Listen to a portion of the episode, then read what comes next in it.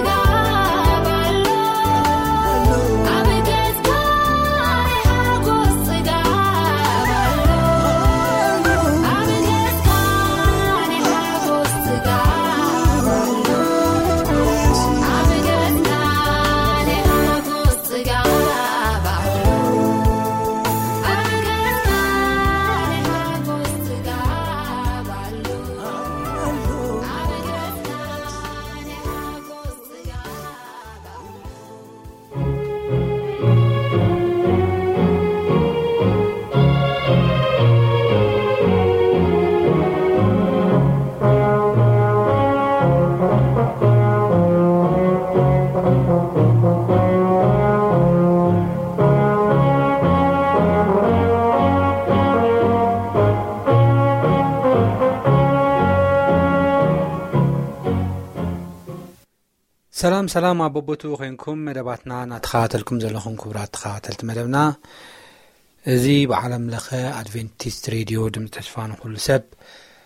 እናተዳለወ ዝቀርበልኩም መደብ ቃል ኣምላኽ እዩ ኣብ ናይ ሎሚ ናይ ቃል ግዜና ድማ ብምክንያት ልደት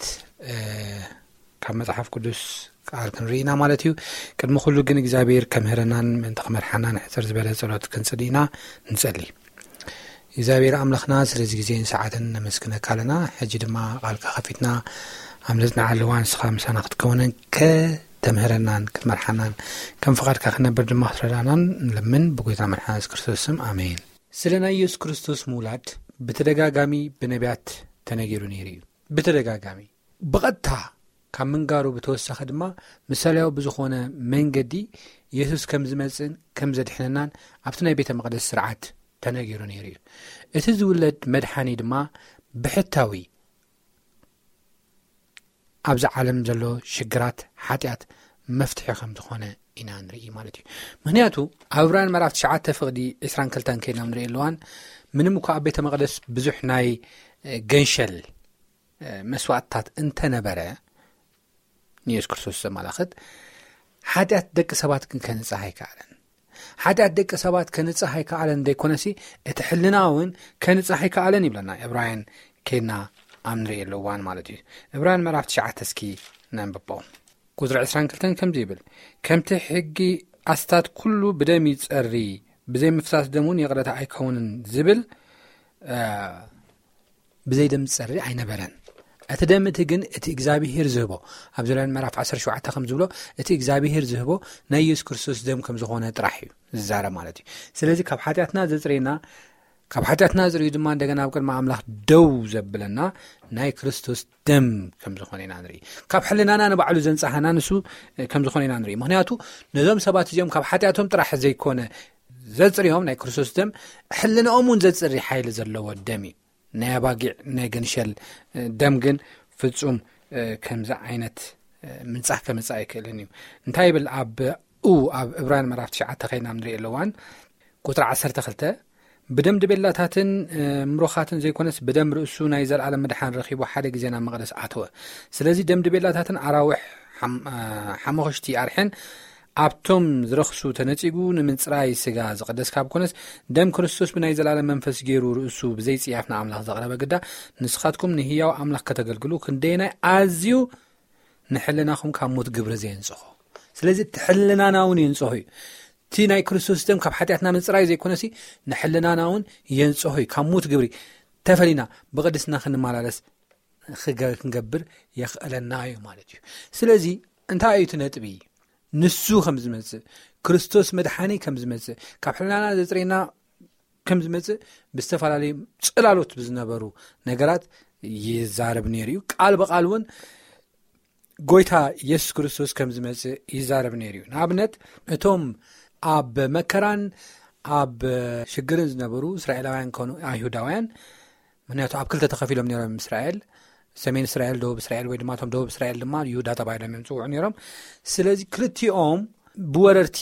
እናተታሕዙ እናተወርሩ ኣብ ዝነበርሉ ግዜ እዩ ነይሩ እሞ ድሓር እግዚኣብሄር ዝሃቦም ተስፋ ቃል ነይሩ ንሱ ድማ ምስ ትንቢት ኣታሓዩ ዝተዛረቦ ቃል እዩ ንሱ ድማ ኣብ ኢሳያስ መራፍ ትሽዓ ፍቅዲ ሽዱሽተ ዝርከብ እዩ እሞ እንታይ ይብል እዚ ቃል እዚ ከይና ንሪእኣሉዋን ህፃን ተወሊድልና እዩ ህፃን ተወሊድልና እየ ክብል ከሎ ሕጂ ተወሊድልና ዝብል ቃል ሕሉፍ ቃል እዩ ናይ ፓስተንስ ዝዛረብ እዩ ግን እዚ እንታይ እዩ ዘርእየና ኣብቲ ግዜ እቲ የሱስ ክርስቶስ ኣይተወልደ ነይሩ ድሕሪ እሳያስ ድሕሪ ኣማዒት ዓመታት ምናልባት ብዘይምግናን ልዕሊ ሓሙሽተ ሚት ዓመታት ሓሊፉ እዩ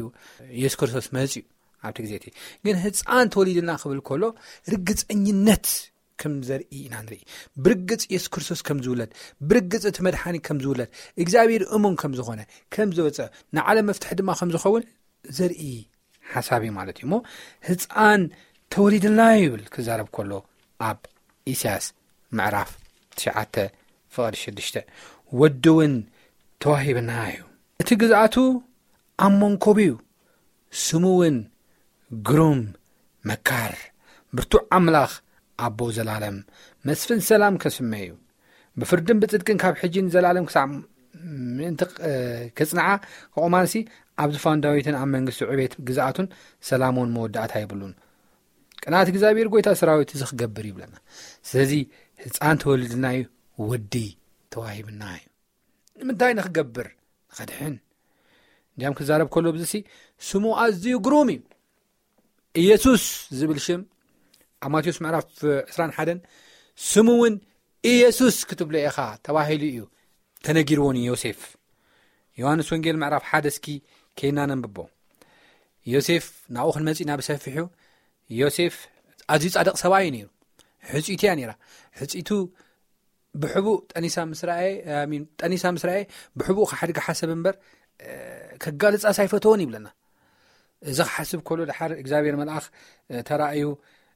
እዩ ዝነገሮ ኢና ሕጂ ከነንብብ ማለት እዩ ዮሴፍ ወዲ ዳዊት ትሕፂትኻ ማርያም ጠኒሳቶ ዘላ ምካ መንፈስ ቅዱስ ይሞኑ ምሳዳ ኣይትፍራህ ወዲ ክትወልድያ ንሱ ከዓ ንህዝቡ ካብ ሓጢኣቶም ከድሕኖም እዩሞ ስሙ እየሱስ ክትብሉ ኢኻ ከም ዝበለ ኢና ንርኢ ስለዚ ስሙ ግሩም እዩ መድሓኒ እዩ ይብለና ንሱ ጥራሕ ኣይኮነን መካር እውን እዩ መካር እዩ እቲ ዝውለድ ጎይታ እቲ ዘድሐነና ዝተወልደ ጎይታ የሱስ መካር እዩ ምኽሪ ዝህብ ህወት ክንመርፅ ህወት ሕረዩ ዝብል ጎይታ እዩ ብርቱዕ ኣምላኽ እዩ መፅሓፍ ቅዱስ የሱስ ክርስቶስ ኣምላኽ ምዃኑ ብግልፂ ኣቐሚጥዎ እዩ ካብቲ ብግልፂ ዘቐመጦ ጥቕስታት ሓደ ሮሜ ምዕራፍ ትሽዓ ፍቕዲ ሓሙሽተ ቀዳማ ዮሃንስ ዘሎን እዩ እንታይ ብል ሮሜ ምዕራፍ ትሽዓ ፍቕዲ ሓሙሽተ ኢየሱስ ክርስቶስ ብሩኽ ኣምላኽ ከም ዝኾነ ይዛረበና ወሕ ኣቦታት ከኣ ናታቶም እዮም ክርስቶስ እውን ብስጋ ካባታቶም እዩ ንሱ ንዘለዓለም ብሩኽ ኣምላኽ ልዕሊ ዅሉ እዩ ኣሜን እወ ንሱ ንዘለዓለም ብሩኽ ኣምላኽ ልዕሊ ዅሉ እዩ ኣሜን ይብለና መፅሓፍ ቅዱስ ክዛረብ ከሉ ስለዚ ብርቱዕ ኣምላኽ እዩ እቲ እነምልኾ ኣምላኽ ብሩኽ ኣምላኽ እዩ እቲ እነምልኾ ኣምላኽ መፅሓፍ ቅዱስ ክዛረበና ከሎ ማለት እዩ እሞ ኣብ ቀዳማ ዮሃንስ ምዕራፍ ሓሙሽተ ከዓ ከድና ንሪኢ ኣለዋን ቁፅሪ ዕስራ እንታይ ይብል ግና ኸ እቲ ወዲ ኣምላኽ መፅዩ ነቲ በዓል ሓቂ ክንፈልጦ ኢሉ ኣእምሮ ከም ዝሃበና ንፈልጥ ኢና ምስ በለ ብዛዕባ የሱስ ክርስቶስ ክዛረብ ከሎ ማለት እዩ ንሕና ኣብቲ በዓል ሓቂ ኣብ ወዱ የሱስ ክርስቶስ ኢና ዘሎና እዚ እቲ ናይ ሓቂ ኣምላኽን ናይ ዘለዓለም ህይወትን ኢየሱስ ክርስቶስ እቲ ናይ ብሓቂ ኣምላኽ ብሩኽ ኣምላኽ ብርቱዕ ኣምላኽ ከም ዝኾነ እዩ ዝዛረበና መፅሓፍ ቅዱስ ክዛረበና ከሎ ማለት እዩ ስለዚ እሳያስ ምዕራፍ ትሽዓ ፍቅዲ ሽዱሽተ ህፃን ተወሊድልናይ ወዲ ተዋሂቡና ዩ ስሙ እውን ግሩም መካር ብርቱዕ ኣምላኽ ናይ ሓቂ ኣምላኽ ከም ዝኾነ ኢና ንርኢ ምክንያቱ ናይ ሓሶት ኣማልኽቲ ኣለዉ እዮም ናይ ሓሶት ኣማልኽቲ ኣለዉ እዮም ሰይጣን ኣምላኽ ኣይኮነን ሓሳዊ እዩ ናይ ባዕሉ ስርዓት ገይሩ ኣምላኽ እዚ ዓለም ክበሃል ተመንዩ ኣምላኽ እየ ኢሉ ባዕሉ ክለይም ይገብር ግን ኣምላኽ እግዚኣብሄር ዝበሃል ኢየሱስ እዩ ኣቦ ዘለዓለም መንፈስ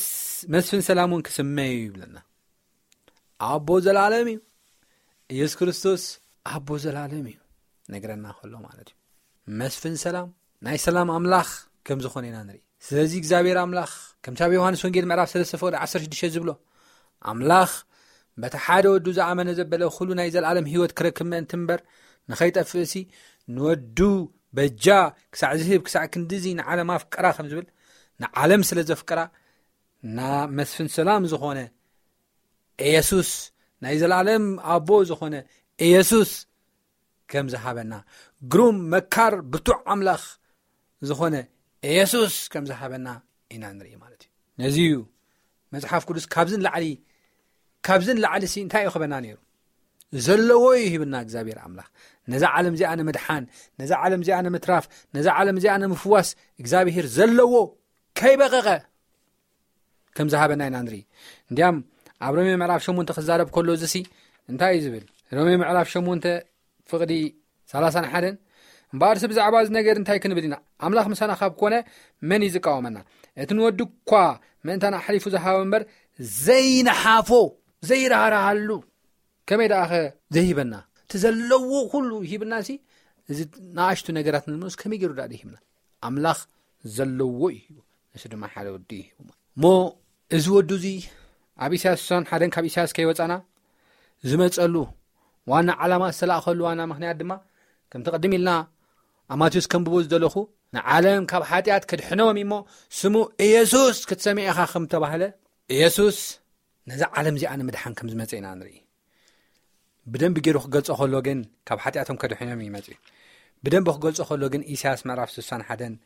ከምዚ ብምባል ይገልጾ ንትሑታት ብስራት ከበስር እግዚኣብሄር ቀቢኡኒ እዩ እሞ መንፈስ እግዚኣብሄር ኣምላኽ ኣብ ልዕለ እዩ ንስውራት ልቢ ክዝንን ንምሩኻት ሓርነት ንእሱራት ከኣ ምፍታሕ ክእውጅ ለኣኸኒ ዓመት ጸጋ እግዚኣብሄር መዓልቲ ሕነ ኣምላኽን ክእውጅ ንዅሎም ሕዙናት እውን ከጸናንዕ ኣዋም ጽድቂ ንኽብሩ ዝኸውን ተኽሊ እግዚኣብሔር ተባሂሎም ምእንቲ ክስመዩ ድማ ንሕዙናት ጽን ኣብ ክንዲ ሓሙኽሽቲ ዘውዲ ክደፍኣሎም ኣብ ክንዲ ሓዘን ከኣ ዘይተሓጎስ ኣብ ክንዲ መንፈስ ጓሂ እውን ክዳን ምስጋና ክህቦምሲ ለኣኸኒ ይብለና ኢየሱስ ክርስቶስ ዝተላእኸሉ ናይ ሓጎስ ዘይቲ ንምሃብ እዩ ኢየሱስ ክርስቶስ ንትሑታት ብስራት ከበስር እግዚኣብሄር ዝቐብኦ እዩ መንፈስ እግዚኣብሄር ኣብ ኣምላኽ ኣብ ልዕለዩ ንስቡራት ልቢ ክዝንን ንምሩኻት ሓርነት ንእሱራት ከዓ ምፍታሕ ክእውጅ ለኣኸኒ ከም ዝበለ ኢና ንርኢ እዚ ሓሳብ እዚ ብዙሕ ሓሳባት ዝሓዘ እዩ ሓደ ከምቲ ቅድም ኢለ ዝብሎ ዘለኹ ወይ ሕጂ ዝብሎ ዘለኹ ዓላማ እግዚኣብሄር እዩ ዝዛረበና ኢየሱስ ክርስቶስ ንስቡራት ልቢ ክዝንን ንምሩኻት ሓርነት ንእሱራት ከኣ ምፍታሕ ክእውጅ እዩ ዝለኣኸኒ እንታይ ማለት እዩ ዙ ነግረና እቶም ዝተናዕቑ ዋጋ የብልኩም ዝተባህሎም ዓቕሚ ዘይብሎም ሰባት ንዕኦም እታ ክገብር ክፍውስ ከድሕን ለኣኸኒ እዩ ዝብለና እዚ እቲ ቀዳማይ ሓሳብ ኣብ ኢሳያስ ምዕራፍ ሳን ሕደ ንረኽቦ ካልኣይ ግን ከይድና ንርኢ ኣለዋ እንታይ እዩ ዝብል ንሕታት ብስራት ከበስርሲ እግዚኣብሔር ቀቢኡኒ ሞ መንፈስ እግዚኣብሔር ኣምላኽ ኣብ ልዕለይ እዩ ንስብራት ልቢ ክዝንን ንምሩኻት ሓርነት ከኣ ምፍታሕ ክእውጅ ለኣኸኒ ይብለኒ እታ ካልኣይ ሓሳብ ግን እግዚኣብሄር ቀቢኡኒ እዩ እያ ኢየሱስ ክርስቶስ ማለት ብእግዚኣብሄር ዝተቐብአ መድሓኒ ማለት እዩ ብእግዚኣብሄር ዝተቐብአ መድሓኒ ማለት እዩ ኢየሱስ ክርስቶስ ማለት ኢየሱስ ማለት መድሓኒ ማለት እዩ ክርስቶስ ማለት ድማ ብእግዚኣብሄር ዝተቐብአ ማለት እዩ ኣብዚ ክምለስ ዘለዎ ክልተ ሕቶታት ኣሎ ተቀዳማይ እግዚኣብሔር ንምንታይ ንየሱስ ቀቢእዎ ካልኦት መላእኽቲ ዶ ይነበሩን ዋጋ ክከፍሉና ዝኽእሉ መላእኽቲ ዶ ይነበሩን እዮም ካልኣይ ናይ የሱስ ክርስቶስ እሺ ኢሉ ናይቲ ቅብኣት ምቕባሉኸ እንታይ ዩ ምስጢሩ ዝብሉ ክልተ ሕቶታት ዓበይቲ ሕቶታት ክምልስ ይግባኣና ተቀዳማይ መብዛሕትኦም ኣብ ሰማይ ዘለዉ መላእኽቲ ወይ ድማ ፍጥረታት እግዚኣብሄር ዕዳና ክኸፍልዎ ኣይክእሉን እዮም ንሕና ብሓጢኣትና በዓል ዕዳ ዝኾንና ሰባት ኢና እዚ ክብል ከለኹ ሓጢኣት ሕጊ ምፍራስ እዩ ኣብ ቀዳማ ዮሃንስ ምዕራፍ ሰለስተ ከም ዝብሎ ሓጢኣት ሕጊ ምፍራስ እዩ ስለዚ ነቲ ዘፍረስናዮ ሕጊ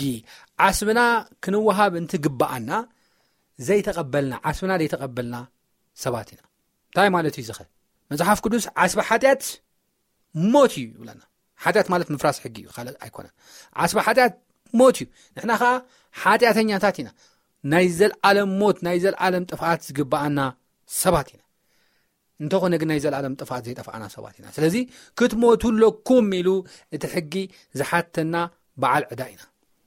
ስለዚ እዚ ዕዳና እዚ ከፊ ኢሉ ካብቲ ዘለና ዕዳ ካብቲ እቲ ዕዳና ከዓ ናይ ዘለዓለም ሞት እዩ ካብቲ ዘለዓለም ሞት ከውፅአና ዝኽእል መልኣኽ ኮነ ካልእ ፍጥረት ኣብ ምድሪ የለን እታ ህይወት እያ ነራ ተዕዳ እታ ህይወት ክትጠፋእ ኣለዋ እዩ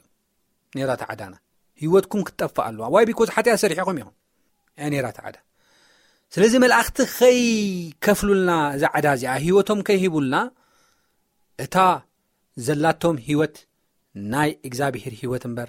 ናይ ባዕሎም ዝኾነት ህይወት ኣይኮነትን ካልኦት ፍጥረት እኳ እንተሃለዉ ናይ ባዕሎም ህይወት የብሎምን ክህብዋ ዝኽእሉ ንኻልእ ክውፍይዋ ዝኽእሉ ህይወት የብላን መክበብ ምዕራፍ 12 ብዛዕባ ሰባት እውን ክዛረብ ከሎ ሰባት እውን እንታይ እዩ ዝብል ኣብ መክበብ ምዕራፍ 12 ፍቕዲ ሸውዓተ ክዛረብ ከሉ ከምዚ ይንበብ ድርብሩር ከይተበት ከፍዮ ወርቂ ከይተጨፍለቐ ዕትሮ ዓይኒ ማይ ከይተሰብረ መዘውር ዒላ ከይተጨፍለቐ መሬት ድማ መሬት ድማ ከምቲ ዝነበሮ ናብ ምድሪ ከይተመልሰ መንፈስ እውን ናብቲ ወሃብኡ ኣምላኽ ከይተመልሰ መንፈስ ዝብሎ ዘሎ ብዚ ሓሳብ እዚ ኣብ መኮ ምዕራፍ 1 ፍቅዲ ሸተ እታ እስትንፋሰ እግዚኣብሄር ኣብ ዘፍጥረት ምዕራፍ 2 ፍቅዲ ሸ ዘንበብናዮ ማለት እዩ ንሰብ ካብ ሓመድ ምድሪ ገበሮ ናይ ህወት እስትንፋስ ኡፍ በለሉ ሞ ህያው ነፍሲ ኮነ እያ ትብል ናይ ህወት እስትንፋስ ኡፍ ኢሉ ዝሃበና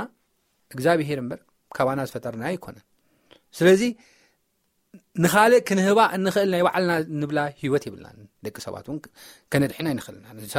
ሰባት ከድሕኑ ኣይክእሉ ዮም ካብ ሓጢኣቶም ከንፅህዎም ኣይክእሉ ዮም ካብ ዘላለም ሂወት ንከምልጡ ክገብርዎም ኣይክእሉ ዮም ብሕታዊ ናይ ባዕሉ ሂወት ዘላቶ ኣብዛ ዩኒቨርስቲ እዚኣ እግዚኣብሄር እዩ ኣቦ ወዲ መንፈስ ቅዱስ እዩ የሱስ እዩ እዚ ክንብል ከለና ምናልባት ብደንቢ ጌርና ፕሮግራም ሒዝናሉ ከም ፍቓድ ኣምላኽ ኣብ ቀፃሊ ከነቕርቦ ንቐርቦ ንኸውን ንኽእል ከም ፍቓድ ኣምላኽ ወንጌል ዮሃንስ ምዕራፍ ሓደ ፍቕዲ ሓደ ጀሚርና ከነንብብ ከለና ብመጀመርያ ቃል ነበረ እቲ ቃል ድማ ብ ኣምላኽ ነበረ እቲ ቃል ድማ ኣምላኽ ነበረ ምስ በለ ብኡ ኩሉ ኾነ ካብቲ ዝኾነ ዘበለ ድማ ብዘይብኡ ዝኾነ የልቦን ህይወት ኣብኡ ነበረት ይብለና እታ ህይወት ካብ ማንም ዘይተለቅሓ ካብ ማንም ዘይወሰዳ ካብ ማንም ዘይተቐበላ ሂወት ኣብኡ ነበረት እታ ሂወት ከዓ ብርሃን ሰብ ነበረት ይብለና መፅሓፍ ቅዱስ ኣብ ዮሃንስ ወንጌል ምዕራፍ 11 ፍቅዲ 25 ከድና ክንርኢ ከልና የሱስ ከዓ ትንሳኤን ሂወትን ኣነ እቲ ብኣይ ዝኣመነስ እንተሞተ እኳ ብሂወት ክነብር እዩ ነፍሲ ወከብ ብሂወት ዘሎ ከዓ ብኣይ ዝኣምን ዘላለም ክነብር ይብል ሂወት ኣነ ክብል ኮሎ ኢና ንሱ ጥራሕ ኣይኮነን ኣብ ዮሃንስ ወንጌል ምዕራፍ 14 ፍቅዲ ሽዱሽተ ወን ኬድና ንሪኢ ኣለዋን ኣነ መንገድን ሓቅን ሂወትን እየ ክብል ኮሎ ኢና ንርኢ ስለዚ እታ ሂወት ኣብኡ ነበረት ንሱ ባዕሉ ሂወት እዩ ሂወት እየ ይብል ባዕሉ ባዕሉስ ሂወት እዩ ሶርስ ኦፍ ላይፍ ሂወት ዝበሃል እሱ እዩ ባዕሉ ናይ ሂወት ምንጪ ሂወት ኣብኡ ዘላቶ ካብ ማንም ዘይተለቅሓ ሂወት ዘላቶ ኢየሱስ ክርስቶስ እዩ ባዕሉ ስለዚ ብሕታዊ ነቲ ዕዳና ክኸፍል ዝኽእል ኢየሱስ ከም ዝኾነ እዩ ዝዛረበና ማለት እዩ ካብዚ ዝተላዕለ እዩ ኣብ ኢሳያስ ምዕራፍ ሱሳን ሓደን እግዚኣብሄር ቀቢኡኒ ዝብሎ ማለት እዩ ካልእ ዕዳ ክከፍል ዝኽእል ካልእ እቲ ህይወት ክህበና ዝኽእል ኣብ ክንዳና ክጥፋኣ ዝኽእል ማንም ስለ ዘለ እዩ ንዝክር ኢና ኣብ ማቴዎስ ምዕራፍ 1 2ሸ ን ከድናብ ንሪኢ ኣለዋን ሂወተይ ወይ ድማ መንፈሰይ ኣባኻ የማዕቑብ ኣለኹ ክብል ከሎ የሱስ ክርስቶስ ኣብ መስቀል ኮይኑ እውን ንርኢ ኢና ሓደ ካብ ተዛረቦ መንፈሰይ ኣባኻ የማዕቑብ ኣለኹ ክብል ከሎ ኢና ንርኢ እዚ እንታይ ማለት እዩ ጀስ ኣነ እጠፍእ ኣለኹ ምክንያቱ የሱስ ክርስቶስ ዝመፀ ክመውት እዩ ስሌና ክመውት እዩ እንታይ ዓይነት ሞት ሓጢያ ናይ ሓጢኣት ሞት ክመውት እዩ ማለተይ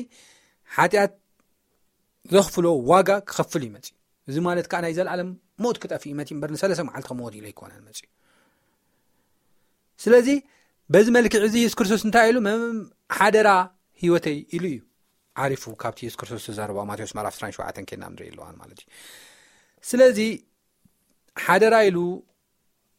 ምማቱ እዚ እንታይ እዩ ዘርእና እታ ሂወት ንዓና ክትከውን በታ ሂወት እቲኣ ንሕና ሰላም ክንረክብ ሂወት ክንረክብ ካብ ዕዳ ነፃ ክንከውን ዝገብር ዘረባ ከም ዝኾነ ኢና ንርኢ ማለት እዩ ስለዚ ብዘይ የሱስ ክርስቶስ ዕዳ ክኸፍለልና ዝኽእል ማንም ስለ ዘይነበረ እግዚኣብሔር ንዕኡ ከም ዝቐቦ ኢና ንርኢ የሱስ ክርስቶስ ከዓ ፍቓደኛ ኮይኑ ነቲ ፃውዒት ምቕባሉ ከዓ ዘርእየና ኣብ እብራን መራፍ ሓደ ፍቕዲ ሸሞንተ ዘሎ ሓሳብ እዩ እብራን መራፍ ሓደ ፍቅዲ ሸሞንተ እንታይ እዩ ዝብል ከምዚ ይንበብ ቁፅሪ ሸሞንተ ክንብብ እደሊ ብዛዕባ መላእኽቲ መላእኽቱ ንፋሳት ኣገልገልቱ ሃላልታ ሓዊ ይገብር ይብል ብዛዕባ ወዱ ግና ኣታ ኣምላኸይ ዝፋንካን ዘለኣለም ዓለም ይነብር በትሪ መንግስትኻ ቅንዕና እያ ፅድቂ ፈተኻ ዓመፅ ከዓ ፀላእኻ ስለዚ እግዚኣብሔር ኣምላኽካ ሓለፋ ብፆት ካብ ዘይት ሓጎስ ቀብኣካ ይብል ፅድቂ ፈቶኻ ዓመፅ ከዓ ፀላእኻ በቃ ስለዚ እግዚኣብሔር እንታይ ገበረካ ሓለፋ ብፆት ካብ ዘይቲ ቀብኣካ ይብል ስለዚ የሱስ ክርስቶስ ዝተቐብኣሉ ዋና ምክንያት ዓመፅ ስለ ዝፀለ እዩ ብድያብሎስ ዝኣተወ ሓጢኣት ኣብ ምድሪ ዓመፅ ስለ ዝመለ ሕጊ ኣልቦነት ስለ ዝመለ ኣኖምያ እዩ ዝብሎ ዝቃል ሕጊ ኣልቦነት ስለ ዝሰፈነ ኣብ ዩኒቨርስ ነዚ ንኸወግድ ከም ዝመፀ ፍቓደኛ ከም ዝኾነ ኢና ንርኢ ስለዚ ከምዚ ዓይነት ጎይታ ንትሑታት ልቢ ክዝንን ክፍውስ ነቶም ተሰብሩ ድማ ክጽግን ህይወት ክህብ ካብ ሓጢኣት ከንጽህ ከም ዝመፀ እታ ምርፅቲ ፅብቕቲ ዓመት እግዚኣብሄር ድማ ከበስር ከም ዝመፀ እዩ ዝዛረበና ማለት እዩ እሞ ኣብ ዝቕፅል ናይ ዚ መቓፀልታ ሒዝናልኩም ቀርብ ኢና ስለዚ ኩሉ ድማ እግዚኣብሄር እናመስከና እዚ ንሓሰብና ክንመላለስ ይግባእ እዚ ክንገብር